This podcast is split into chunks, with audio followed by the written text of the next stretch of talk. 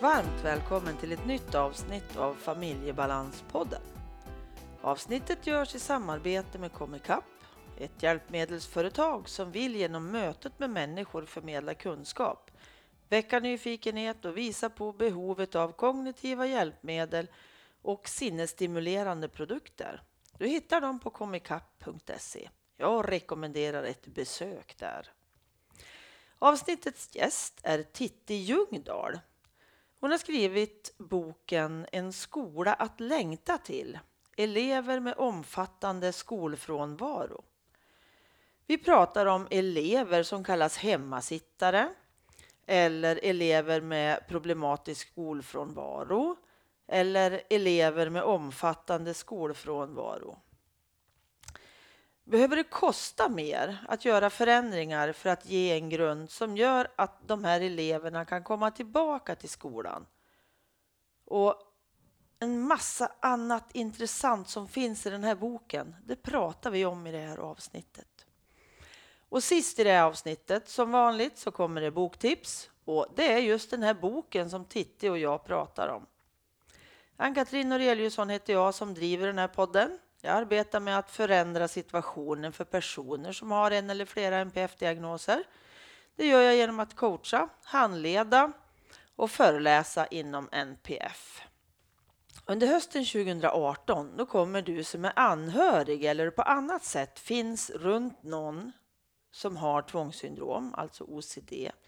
Då kommer du att få möjlighet att gå min webbkurs som handlar om att Eh, hantera OCD när jag inte har det själv, men vi anhöriga eller arbetskamrater eller mormor, morfar eller personal på något sätt, vi blir inblandade i alla fall och det behöver vi lära oss hur eh, vi ska göra för att inte förvärra symptomen. Och allt sker online, så du kan vara delaktig även om du bor på andra sidan jorden. Det var väl smart? Och du som vill veta mer, skicka mig ett meddelande på Familjebalans Facebook-sida eller ett mejl till info familjebalans.se. Eller så går du in på min hemsida familjebalans.se och gör en intresseanmälan för att få information. Det är inte bindande på något sätt utan det är en hint om att eh, jag ser att du vill veta mera. Så välkommen in och lyssna på Titti och mig när vi pratar om elever med omfattande skolfrånvaro.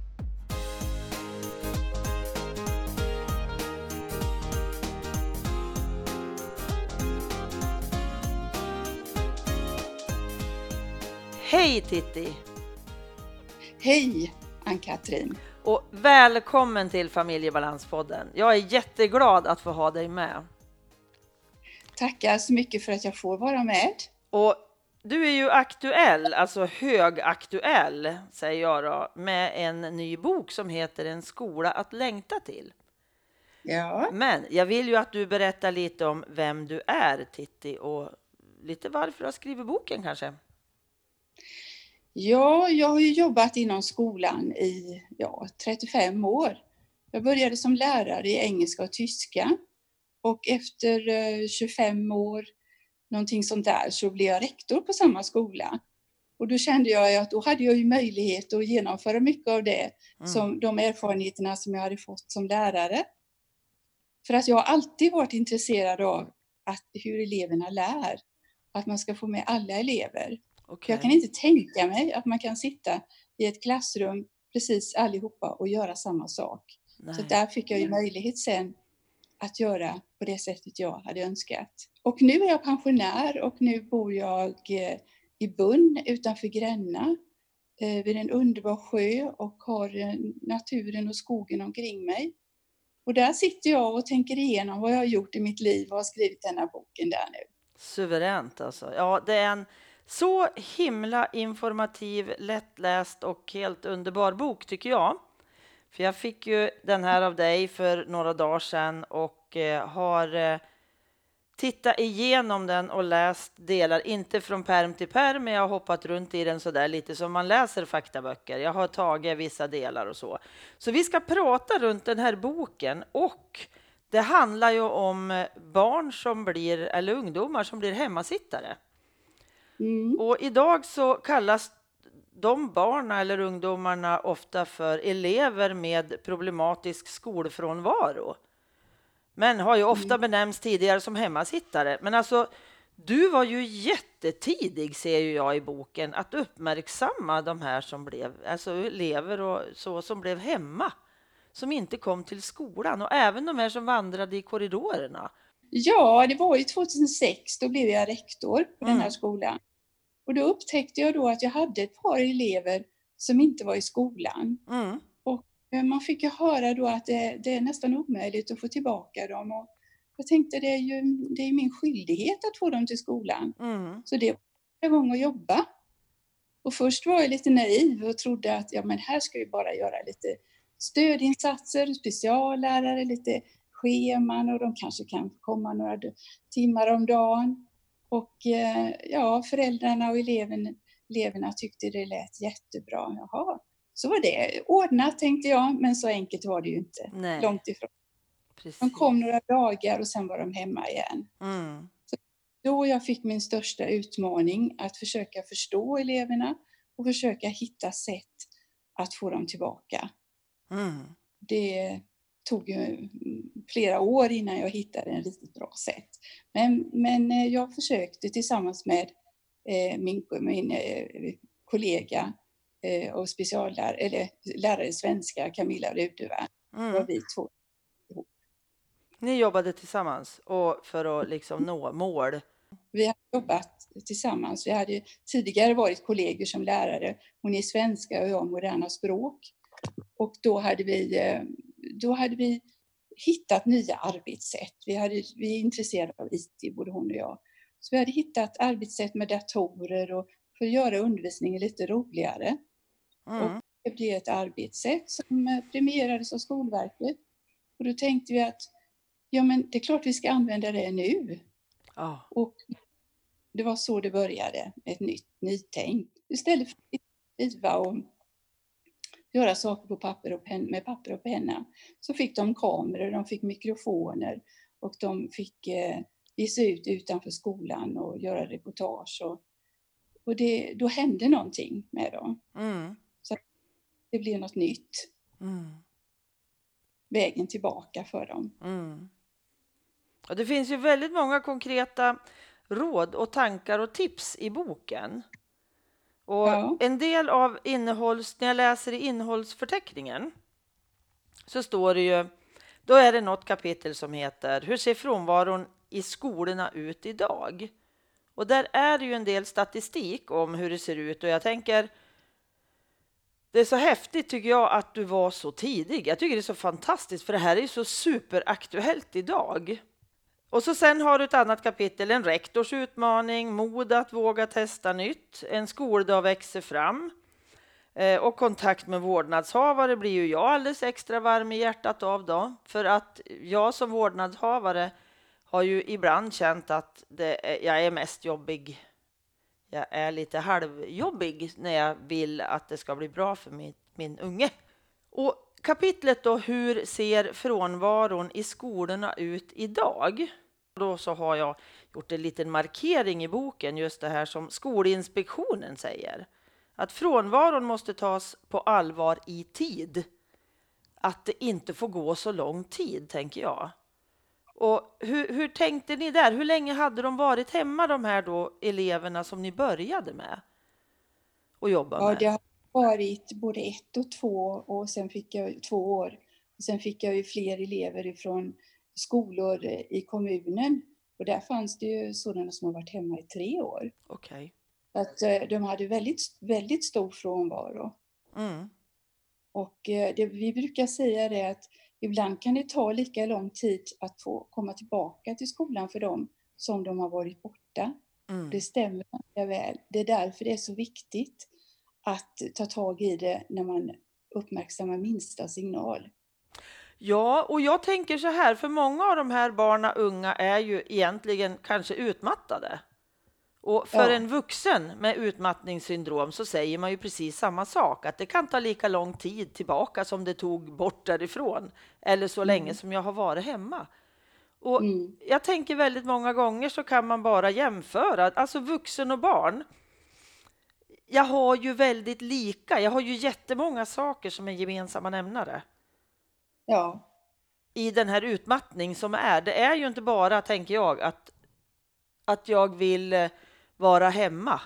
Att jag orkar inte vara där, utan det finns ju en anledning till att jag inte orkar vara där. jag tycker då professor Daniel Kahneman då, eh, ekonomi, Nobelpristagare i ekonomi, jag tycker han säger så väldigt bra när han pratar om tankesystem 1 och 2. Mhm. För ett är ju det automatiska, att man sköter det med vänster hand, man kör bil och så vidare. Tvåan tar man in när man måste tänka till. Det är lite mer komplicerat, man måste vara uppmärksam på, på, på, eh, ja, på frågan eller vad man ska svara.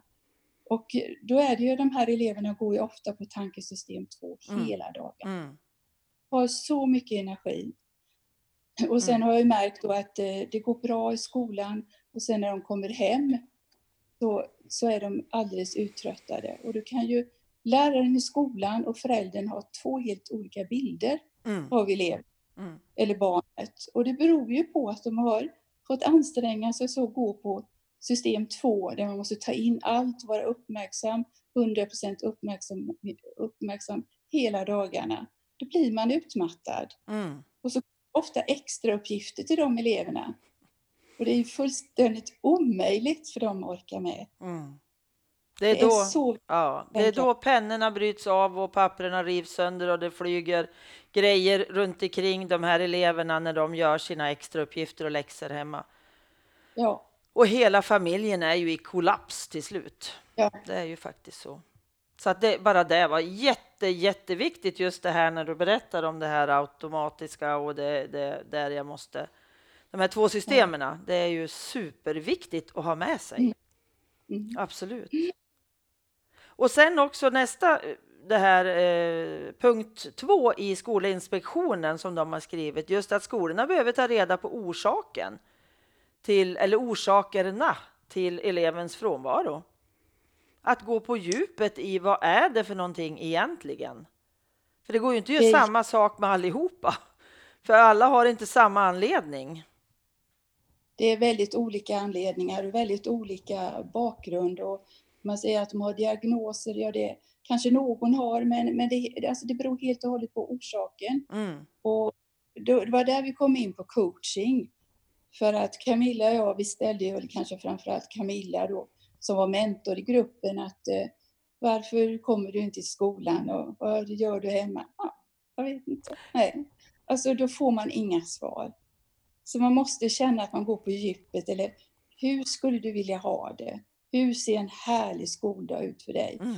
Och sen när man frågar då, har du haft det riktigt bra i skolan någon gång? Ja, det hade jag när jag gick i årskurs fyra, kanske de säger. Mm. Och, och så spinner man vidare på vad är det som har hänt på vägen? Och då kommer man till orsaken. Mm. Ja, varför borde vara bannlyst alltså? Ja, ja, det får man inga vettiga svar. Nej, det vet man ju med sig själv om man frågar. Ja, varför då? Ja, du. Nej, det är ett Ja. värdelöst ord. Ger ingenting. Det är Faktiskt. väldigt många lärare som kanske, eller jag ska inte säga lärare, men överhuvudtaget vi frågar ofta då varför gör du så här eller varför? Det är väldigt vanligt så Mm. man får tänka till om man inte ska använda det. Mm. Ja, men det är jättebra faktiskt, och, och, eller faktiskt, det är jättebra att använda alltså coachingmetoder. Att Ja. utgå ifrån det här vad, Mm. när och hur. Att använda de frågorna istället. För det, kan, det blir ju helt andra svar. Ja, jag hade en kille som, alltså jag brukar ju inte direkt ha dem inne på eh, så att säga, rektorsexpedition och prata med dem, men det kom in en kille då som hade, i, han hade klarat sig bra men han klarade inte engelskan. Och, Nej, men det kommer aldrig gå. Jag brukar kolla upp lite elever så som har enstaka ämnen eh, Mm. som inte klarar i god tid innan terminsslut. Och då, ja men det kommer inte gå med engelskan. Nej. Och så börjar man istället så här. Vad vill du bli? Jo, men jag vill bli snickare för det var pappa och jag tycker det är så roligt. Ja, men varför, varför kan du inte bli det? Nej, men det är engelskan. Jaha. Och så spinner man vidare på målet. Och så ser han sig själv då, men då, då kanske du ska ta itu med engelskan lite mer nu då. när du vill så gärna bli snickare? Och det är så enkla saker, men han gick till sin engelsklärare Mm. och han frågade hur han skulle göra. Mm. Och så man kommer bort ifrån det där jag kan inte, jag vill inte, det kommer aldrig gå till att just det, jag vill ju bli snickare. Det, det låter så enkelt och så kanske lite klichéartat nästan, men det är så enkelt många gånger. Mm. Man ser dem, man lyssnar på dem och man sätter ett mål för framtiden. Mm. Så en hemmasittarna som kanske har, inte har några betyg, de blir väldigt motiverade av att man pratar om vad du vill bli. Mm. Mm. Framtiden, hopp, framtiden, tro på. Mm. Och att någon lyssnar och att någon frågar. Hur mår du? Hur är det? Kan jag hjälpa dig på något sätt? Finns det någonting? Alltså bara att bli sedd är ju en sån oerhört viktig del. Jag vet i skolan då där mina barn gick när de gick låg och mellanstadiet. Där vet jag rektorn var en sån som, han fanns där. Eller det var jag flera jättebra rektorer på den skolan. Och eh, de, han var liksom en del i hela. Han var inte bara rektorn som när jag gick i skolan. Då var den där rektorn någon man såg ibland möjligtvis och han var ju jag jätterädd för. Men en bra rektor är man inte rädd för utan den finns med och den kan jag snacka med vem liksom om, om saker som är viktiga för mig. Mm. Så tänker jag. Det finns fantastiska rektorer ute i landet, absolut. Men eh, vi behöver tänka också, tänker jag, att det, allt kostar inte pengar. Viss, Absolut nej, I vissa fall behövs det mer resurser för att kunna göra vissa saker, men ohyggligt mycket gratis faktiskt, eller kostnadsfritt. Ja, det är det. Och det är små saker och det här med coachingfrågor och, Mm, och, och, och kanske på enkla sätt ändra om i klassrummet. Vi gjorde ju tre rum i rummet så att alla skulle kunna ha en plats som passade dem. mm, De som var längst bak i klassrummet bakom skärmar när de jobbar och det, det, det, det kostar inte mycket, bara ändra om lite i klassrummet. mm. Eh, Och det hade också väldigt stor betydelse. Mm. Men jag vet när du beskriver i boken så hade du ju en grupp för elever Ja. som, behövde, som behövde komma tillbaka eller skulle komma tillbaka till skolan. Och det var tjejer. Ja, Det var framförallt tjejer eller var det många tjejer så det var därför eller varför valde du flickor? nej, jag tror att det var en, en slump. Okej. För att det är väldigt olika. På många andra skolor är det ju bara pojkar. Mm. Eller många pojkar eller kanske både lika många av varje. Men kanske främst pojkar tycker jag många berättar om. Så att, men vi hade flickor. Mm. Och du En tror att det pojke. var en slump alltså? Ja, jag tror det. Ja, och jag tycker det är så underbart att det faktiskt var flickor som fick komma fram så Ja. och få vara en, i en trygg grupp. Ja. Så, för jag har några citat från de här, några av flickorna, just det här som gör mig alldeles tårögd. Att, så skriver hon så här, det är en elev i år nio. Jag skulle vilja känna mig välkommen tillbaka, att någon märker att jag har varit borta. För det hör jag många vittnar om. Det är ingen som, alltså jag pratar ju med föräldrarna då ofta och hör att ja, det är ingen som har välkomnat den här eleven tillbaka till skolan. Det är aldrig någon som har frågat något extra när de har varit borta i flera månader. Alltså jag blir ju helt sjuk av att höra sånt. Och en sån enkel sak att jag vill känna mig välkommen tillbaka. Någon ska fråga vad, vad, hur mår du? Hur är det? Ganska Och det enkelt. sa de, de flesta eleverna sa detta. Mm. Att någon gång var en som hade varit borta så länge. eh, En som hade var- kommit tillbaka och så var hon plötsligt borta igen. Och jag försökte nå henne via sms, är det bästa sättet att nå dem på. Mm. Då hade hon hört någon som sa att eh, är det dags att komma nu? Och det räckte för att hon skulle vara hemma igen. Två Ah. månader. Mm. Sånt gör ont. Mm. Mm. Och vi vuxna har sånt ansvar. Alltså vi har sånt jäkla ansvar alltså. Mm. Vi måste tänka oss för och vi får inte hålla på. Det där är ju en sarkasm tycker jag. Det är dags Mm. att komma nu. Det, det får inte förekomma alltså till en elev som är skör. Eller inte till någon. Ingen Nej. människa ska behöva höra det. Nej. Jag har ett annat citat också här. Eh, och varför fick vi inte den här chansen för länge sedan? Det är en av tjejerna i din grupp förstår jag ju. Mm. Mm. Mm. Och ja, jag hoppas så oerhört mycket på att det här kommer att spridas alltså så att det verkligen blir ett arbete på alla skolor. Tänker jag. Ja, det, det, är ju, eh, det är ju synd när det har blivit så lång tid de har varit borta. Så många av de här barnen jag har kommit i kontakt med säger ju att det började i femman. Mm. Då har man ganska omhändertagande mentorer. Det är samma och man går i samma grupp hela tiden. Mm. Om man då kan se de här signalerna redan i femman, Mm. att man inte låter det vara fast det kanske funkar ganska bra. Mm. Att man ändå tar tag i det i de årskurserna. Det önskade flickorna då, Mm. att man tog tag i det redan då. Ja, att det inte barkar så långt innan, innan man tar tag i det. Att man är en alltså, hundraprocentig hemmasittare innan någon gör något. När det då går att göra något på ett enklare sätt. Och inte, alltså skadan hos eleven har blivit så stor. Så att det är så Mm. mycket som ska repareras i eleven innan man klarar av att vara i skolan igen. Absolut. Och sen gjorde, det här, vi pratade om pojkar, det var ju de ofta som var korridorvandrare. Mm.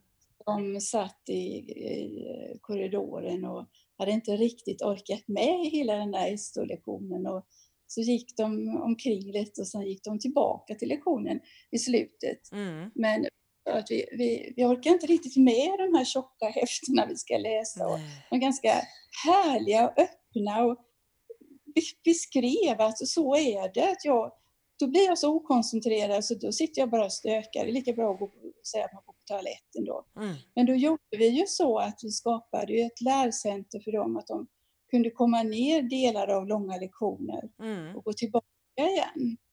Och fick liknande, eh, fick liknande innehåll men på andra sätt. Man kunde visa en film om kanske någonting i historia och förklara samtidigt. Mm. Då, då, då blev det ju en helt annan bild av vad de höll på med och så Mm. kunde de gå tillbaka i slutet.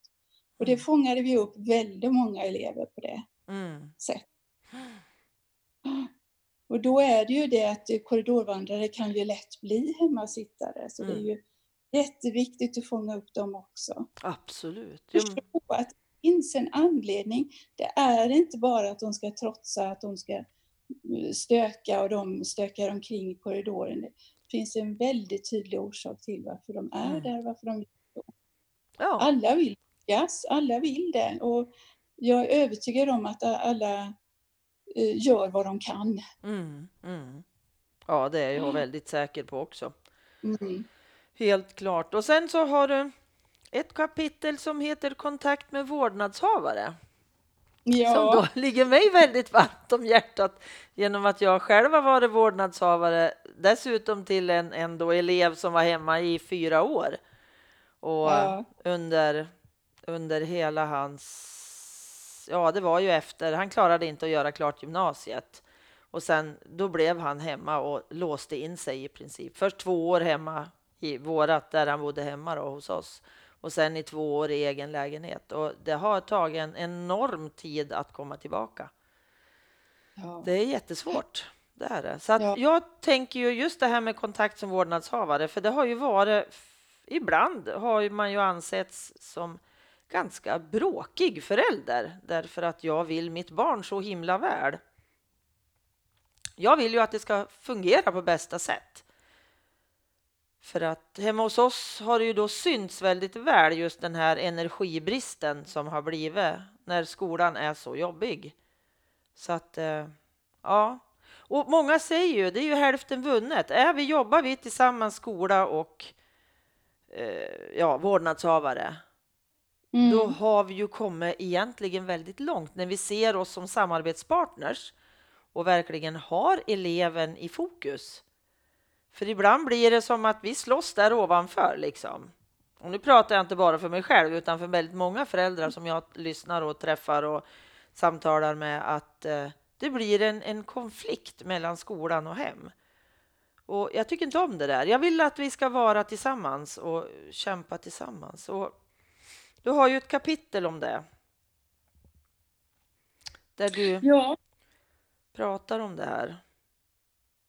ja, jag tycker ju att eh, det är så oerhört viktigt. Det är så eh, helt nödvändigt att vi jobbar tillsammans och åt Mm. samma håll. Så jag har aldrig upplevt några vårdnadshavare som jobbiga, utan tvärtom är det en orsak till att man är orolig och det är ju där vi måste gå in och hjälpas åt.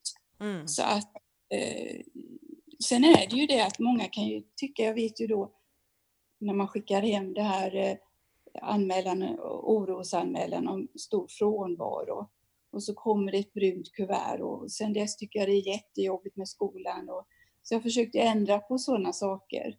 Att det, det, I så fall så hade vi ett möte i skolan och förklarade att det här beror på, det vet vi alla att hon är borta mycket och det är därför ni får det här. Mm. Så att man inte tror att det är någon jättekritik mot någonting utan det är situationer som vi jobbar med och Mm. det är därför du får hem det. Mm. Och lite så att alltså vissa elevvårdskonferenser då när det sitter sju stycken från skolan på ena sidan och en eller två på den andra. Mm. Alltså, så kan man bara inte göra. Nej. Maktfördelning, alltså, och det, var ju, det ändrade jag på. Så vi var bara en, alltså nö- nödvändigt många för att kunna ha det som en formell elevvårdskonferens då måste man ha Mm. visst antal personer från elevhälsan. Och bara så många det behövdes. Och eh, jag försökte göra det lite mer trevligt, trevlig atmosfär och bjöd på lite kaffe och lite småprat och så, så att man eh, fick eh, en eh, samarbetskänsla Mm. istället för att, att skolan på ena sidan och vårdnadshavare på andra. Mm. Jag hade till och med lite, lite öppen tid på fredagar där de kunde komma och fika och så kunde vi sitta och prata om ditt och datt och lite så utan formella anteckningar och sånt där. Mm. Och det kom några föräldrar då och då och sen kanske de tyckte att de inte behövde komma mer men just för att känna att den här skolan, alltså negativa känslan man hade mot skolan skulle släppa. Mm. Här jobbar vi för era barn. Mm. Jo, jag tänker så här, det är så jättemånga som har en, en dålig erfarenhet kanske själv från sin, Ja. alltså förälder som har det från sin skoltid. Så att man Ja. går liksom in med den. Och jag tänker också, jag skulle ju vilja väldigt gärna att föräldrar, jag vet att det förekommer, att man är så negativ mot skolan så att man pratar om sitt negativa inför barna hemma. Och det tycker jag är så oerhört onödigt, för det gör det bara ännu jävligare för barna. Alltså jag måste ju där ta mitt ansvar också som förälder, att det får jag hålla truten och prata med mina kompisar eller min man eller vem det nu är. Inte med barna, för jag ska inte sprida mer till dem än vad de har redan. Och det bästa sättet är ju att eh, bjuda in dem till samtal och se att jag hjälper er så mycket jag någonsin kan. Mm, Och, och så att de släpper den negativa, eh, mm, negativa synen. Jag Mm. tror att det är det enda, mm, att, att de ser på skolan på ett annat sätt. mm, Titti hon försöker hjälpa oss så mycket vi kan. Och, och då blir det inte att man måste prata negativt om skolan. Jag tror att det är det enda riktigt bra sättet med Mm. samarbetet. För precis. att om de är oroliga och har en negativ syn, ja, men då är det ju någonting som inte är bra. Då har de ju någon oro som inte vi har kunnat möta. Mm. Och det måste vi göra. Mm.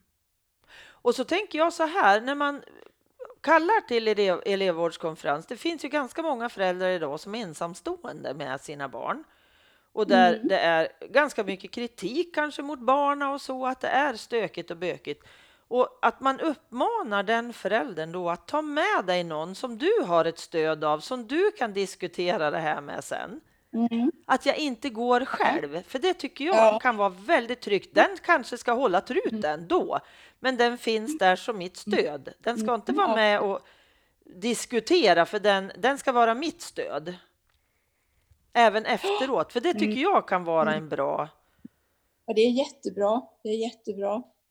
Del. Och, och sen. Ja. utom också så kan man efteråt prata om vad var det vi sa på Ja. mötet. Då kan man diskutera med någon vad som framkom på mötet också. Mm. Och så kanske man får nya frågor som dyker upp då, så det är jättebra. Det Och- tog jag inte med, det tycker jag verkligen är bra. Ja, och sen tänker jag också så här, för jag är ju en som, jag är jättedålig på att anteckna. För ska jag anteckna, då kan inte jag lyssna samtidigt. Det går inte. Så jag ber ju att få spela in. Så att Mm, jag kan mm. göra ändra anteckningar efteråt eller gå tillbaka och lyssna. Vad var det vi bestämde? För jag har oftast ingen aning om vad vi har bestämt. Mm. Eller att Nej. någon annan gör ordentliga minnesanteckningar till mig som då är dålig på att anteckna. Också Mm. saker som man kan tänka på, tänker jag. Mm. För många är rädda för att bli inspelade. Många med och många med på mötet och nya tankar och nya åtgärder. Så att det kan vara jättesvårt att komma ihåg Mm. exakt vad som, vad som föreslogs och vad som beslutades.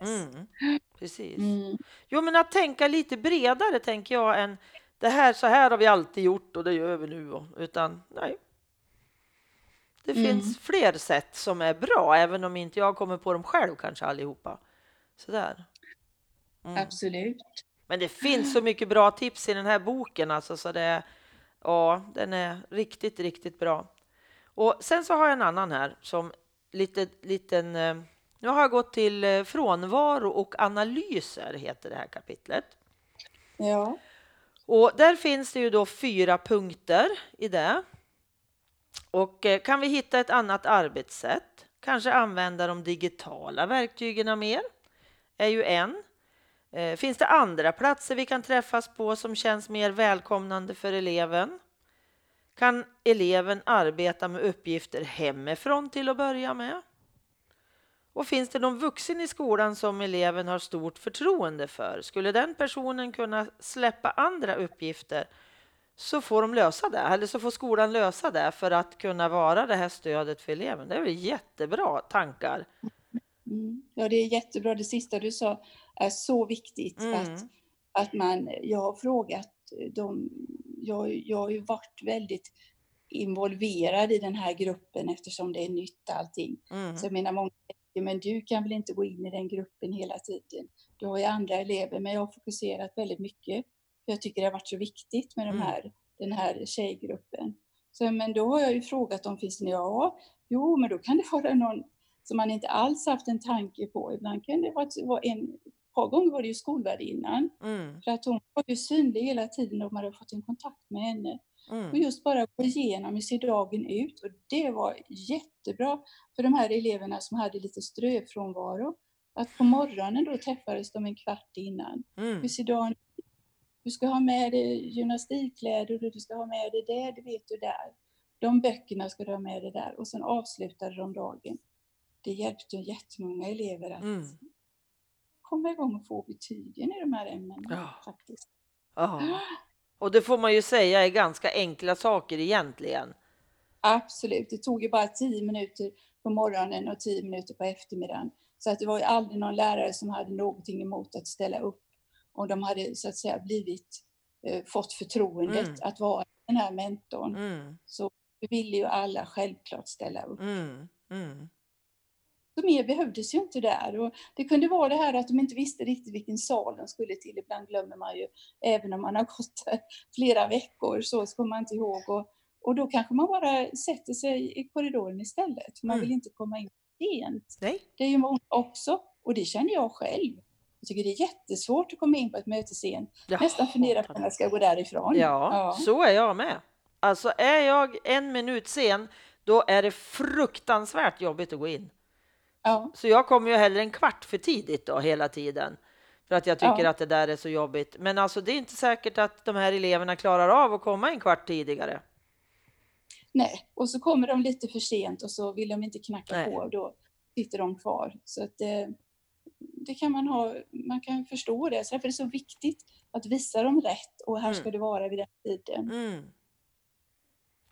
Visst. Lite handledning. Ja, och den här förståelsen för, ja men hur är jag själv då? Eller känner jag någon annan som Mm. känner ungefär likadant? Om inte jag då Mm. precis är som, inte, som skiter i att jag kommer sent. Men alltså, det är ju många saker som man kan tänka utifrån sig själv bara. Vad Mm. vill jag då? Jag vill inte Mm. heller komma för sent. Nej, och lika så kan man ju tänka sig då i korridoren om man inte känner och inte har några kompisar. Det måste ju vara jättejobbigt att stå ensam kanske där. Och Det Mm. måste man också tänka på att det finns kanske någon annanstans du kan gå om du, om du tycker det är obehagligt Mm. i korridoren. Eh, Då hade vi lärcentrat. Du kan få gå in där och sätta dig, där finns alltid någon lärare. Mm. Och slippa den här eh, stressen att nu är det rast igen. Vad ska jag göra nu? Och just det tror jag också är väldigt viktigt att man kan sitta en hel lektion och tänka på att vad ska jag göra nu hela Mm, lunchrasten här? Mm. Visst. Och så kanske jag möter de här som jag tycker är jättejobbiga att möta Ja, ute på skolgården. Och det gör ju också att det är fruktansvärt att gå ut Mm. i den där Mm. lediga raststunden. ja. Så att det finns så mycket vi faktiskt behöver tänka på och ha Ja. strategier för, tänker jag. Jag tror inte, så jag tror, jag är säker på att inte det behöver, om man säger så här, man möts då, ja, men så mycket pengar har inte vi. Och, alltså, jag tror inte att vi ska fastna på det. Nej. Utan det är, och vi var nere i, i, i källaren och letade bänkar och de var kanske inte så fina och sådär när vi möblerade upp i tjejgruppen. Men vi sa vi ska inte köpa något nytt för det, det, det, dels så gör det så att många andra inte vill ta efter. Mm. Då säger de bara vi har inte pengar till det. Och dels att eh, vi behöver de pengarna till annat och då kunde man ju ta upp bänkar och, och bord och, och vi fick ihop hela rummet på det som ändå inte användes. Mm. Som hade lagts i förråd, i materialförrådet i källaren då. Mm. Så, och sen var jag iväg och köpte sofforna på någon outlet och alltså det, ja, det inte, ska inte behöva kosta så mycket. Nej. Det är förhållningssättet, bemötandet och, och tänka på hur man möblerar med de möblerna man har. Det Mm. kostar ingenting. Tänk om man kunde det. ha en utbildning runt den här boken. Flög det in i mitt huvud nu. ja, ja, när, när, eh, ja, precis. Jag hade ju ett projekt om lärmiljö, också ny lärmiljö, på, på en annan skola senare. Och eh, vad jag kanske skulle gjort ännu mer på Almåsskolan var kanske att förankra det ännu mera så att alla var införstådda. Ja. Men det var så nytt då. På den Mm, andra skolan mm. var vi ett helt team. Vi Mm. var sex stycken. Mm. Och alla visste och de har fört det vidare hela tiden. Mm. Så att det är också det här man har ett projekt att man förankrar det till kanske minst fem stycken Mm. så man kan föra vidare. För Mm. att jag slutade ju mitt i det här för att eh, min man gick bort 2012. Då slutade jag ju och jobba som rektor. Mm. Men eh, då är det viktigt att någon fortsätter. Mm. Eh, Jag vet att Almåsskolan har nog kanske en hemmasittare nu och, och Tolltorpsskolan som jag jobbade på också har också fortsatt med det här lärmiljö, värderingen och så vidare. Så att det känns bra. Och sen har båda projekten gått över i stora projekt. Ett genom Göteborgsregionerna och det andra har gått in i ett stort projekt i Mölndals kommun. Så att de finns där, Mm. som frön i alla fall. Mm. Ja, suveränt. Suveränt. Och det finns ju väldigt många fler kapitel i den här boken. Då blir det ett sånt jättelångt poddavsnitt om vi skulle ta alla och diskutera alla avsnitt, utan folk får köpa boken tycker jag. Och eh, jag har ett annat, men ett kapitel till. Elever i behov av särskilt stöd. Och där Mm. går det ju igenom också då att eh, Lgr 11 den eh, är från 2017. Där står det så här. Alla som arbetar i skolan ska uppmärksamma och stödja elever i behov av extra anpassning eller särskilt stöd och samverka för att göra skolan till en god miljö för utveckling och lärande. Och det här jag gillar med det här från den här LGR, eh, Lgr 11, det är alla som arbetar i skolan. Mm. Att eh, hela skolan behöver ha kunskap om de här eleverna som har det extra tufft. Det är jätteviktigt för att inte då vaktmästaren eller bespisningen eller eh, vad heter det, elevvärdinna, skolvärdinna heter det va? Skolvärdinna, Ja. Att skolvärdinna, att alla de har kunskap om de här eleverna som behöver något särskilt, tänker jag. Det, Och det, jag vet Arboga gjorde ett sådant projekt. Det var under tiden mina barn gick på låg och mellanstadiet. Det är ju alltså länge sedan. För då ville jag starta ett sådant projekt här i Hudik. Och Mm. pratade lite löst om det, kanske alldeles för lite egentligen. För jag ville göra en sån satsning på just neuropsykiatri då, som är min, mitt älsklingsområde. Att all personal inom skolan skulle verkligen veta vad det handlar om. Att det är inte ouppfostrade barn, utan det är Mm. barn som har en problematik. Att Mm.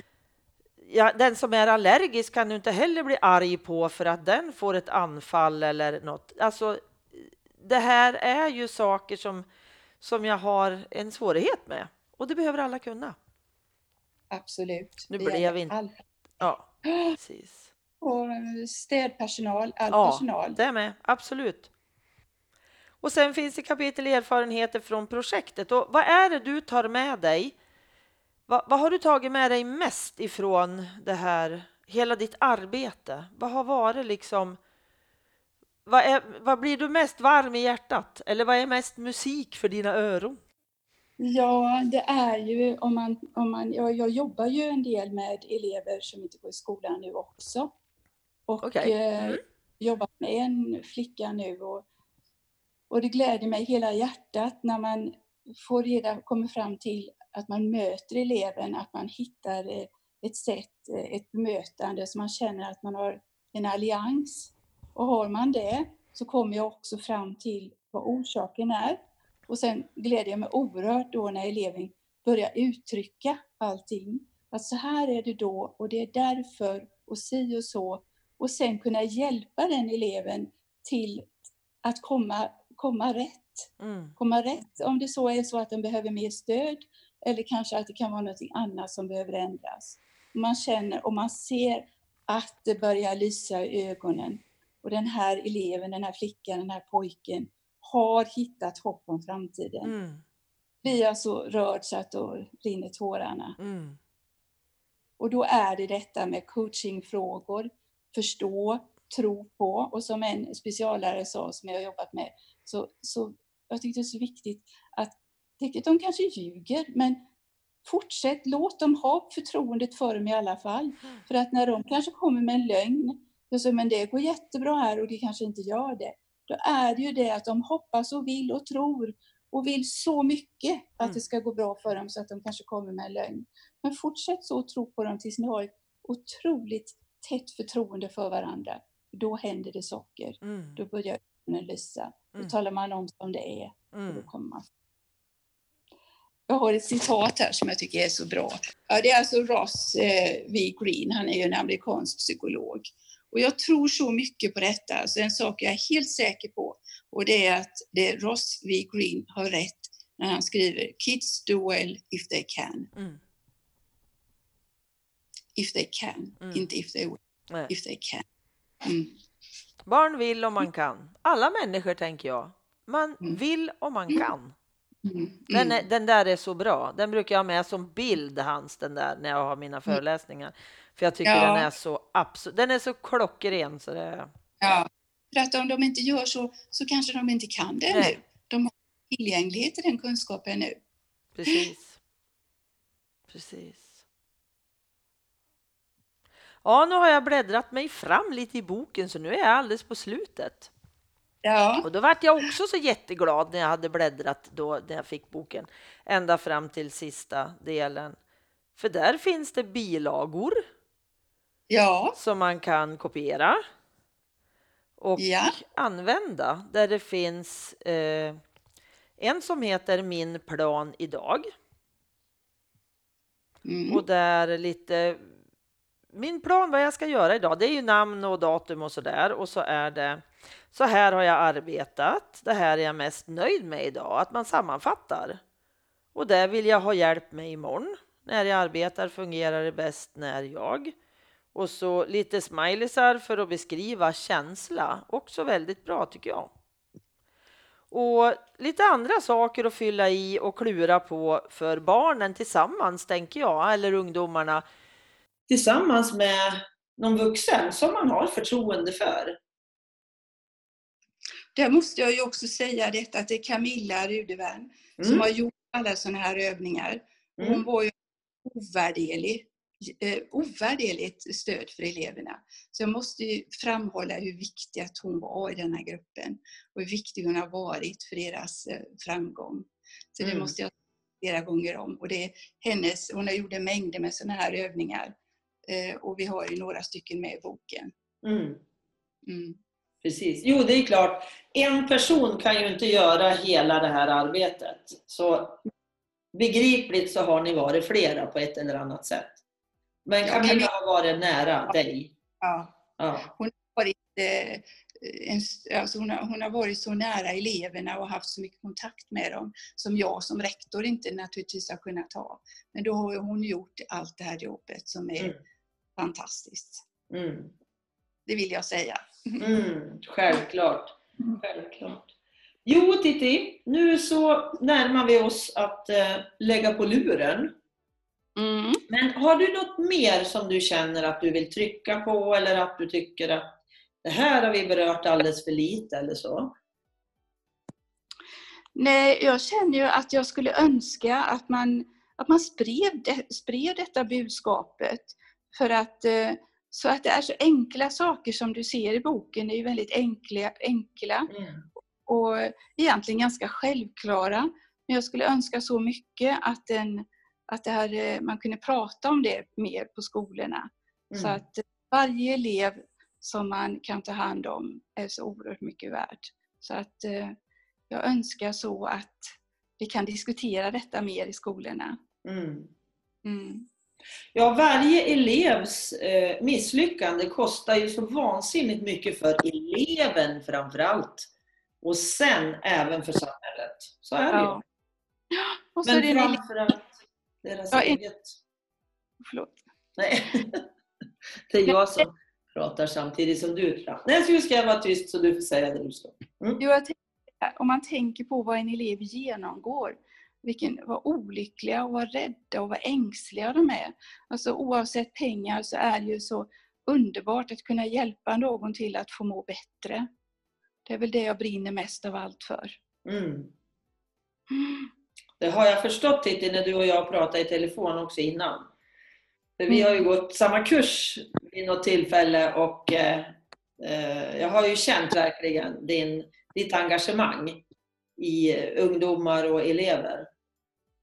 Ja, det, det har jag haft i hela min skoltid. Mm. Ja, det har jag. Mm. Jag tackar dig så jättemycket för att du ville vara med. Och att jag fått prata om boken En skola att längta till. Så eh, vi säger hej då nu och tusen tack till dig Titti. Ja, tack så mycket för att jag fick vara med. Hej då. Hej då! Hej.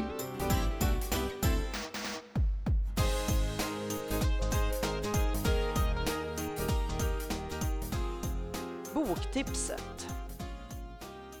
I det här avsnittet så är det alltså boken En skola att längta till. Elever med omfattande skolfrånvaro. Skriven av Titti Ljungdahl som är mitt tips. På baksidan av boken så står det så här. Titti Ljungdahl, skolutvecklare och mindfulnessinstruktör, har arbetat inom skolans värld i mer än 30 år. Som rektor, lärare i moderna språk och central verksamhetsutvecklare i Mölndals stad. En skola att längta till. Antalet elever med problematisk eller omfattande frånvaro, så kallade hemmasittare, ökar för varje år. Samtidigt upplever allt fler elever en ökande stress i skolan. Något måste göras för att vända utvecklingen.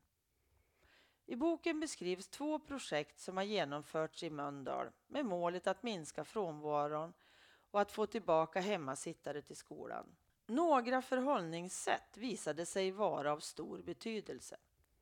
En god relation med respekt för elevens integritet, förståelse för att alla elever är olika, utnyttjande av digitala verktyg och en anpassad lärmiljö utifrån varje elevs behov är centrala faktorer i denna bok.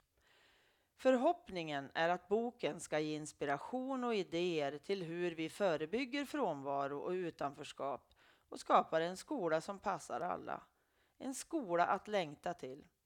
Boken vänder sig till blivande och verksamma lärare, speciallärare och specialpedagoger, skolchefer, skolledare, elevassistenter och övrig skolpersonal men kan även läsas av föräldrar och andra som är intresserade av skolutveckling och coaching.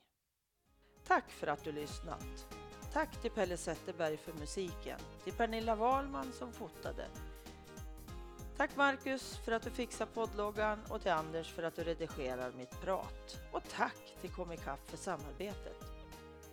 Gillar du podden så får du väldigt gärna gå in på Familjebalanspoddens Facebook-sida och lämna en recension. Det kommer att göra mig jätteglad. Hoppas vi hörs igen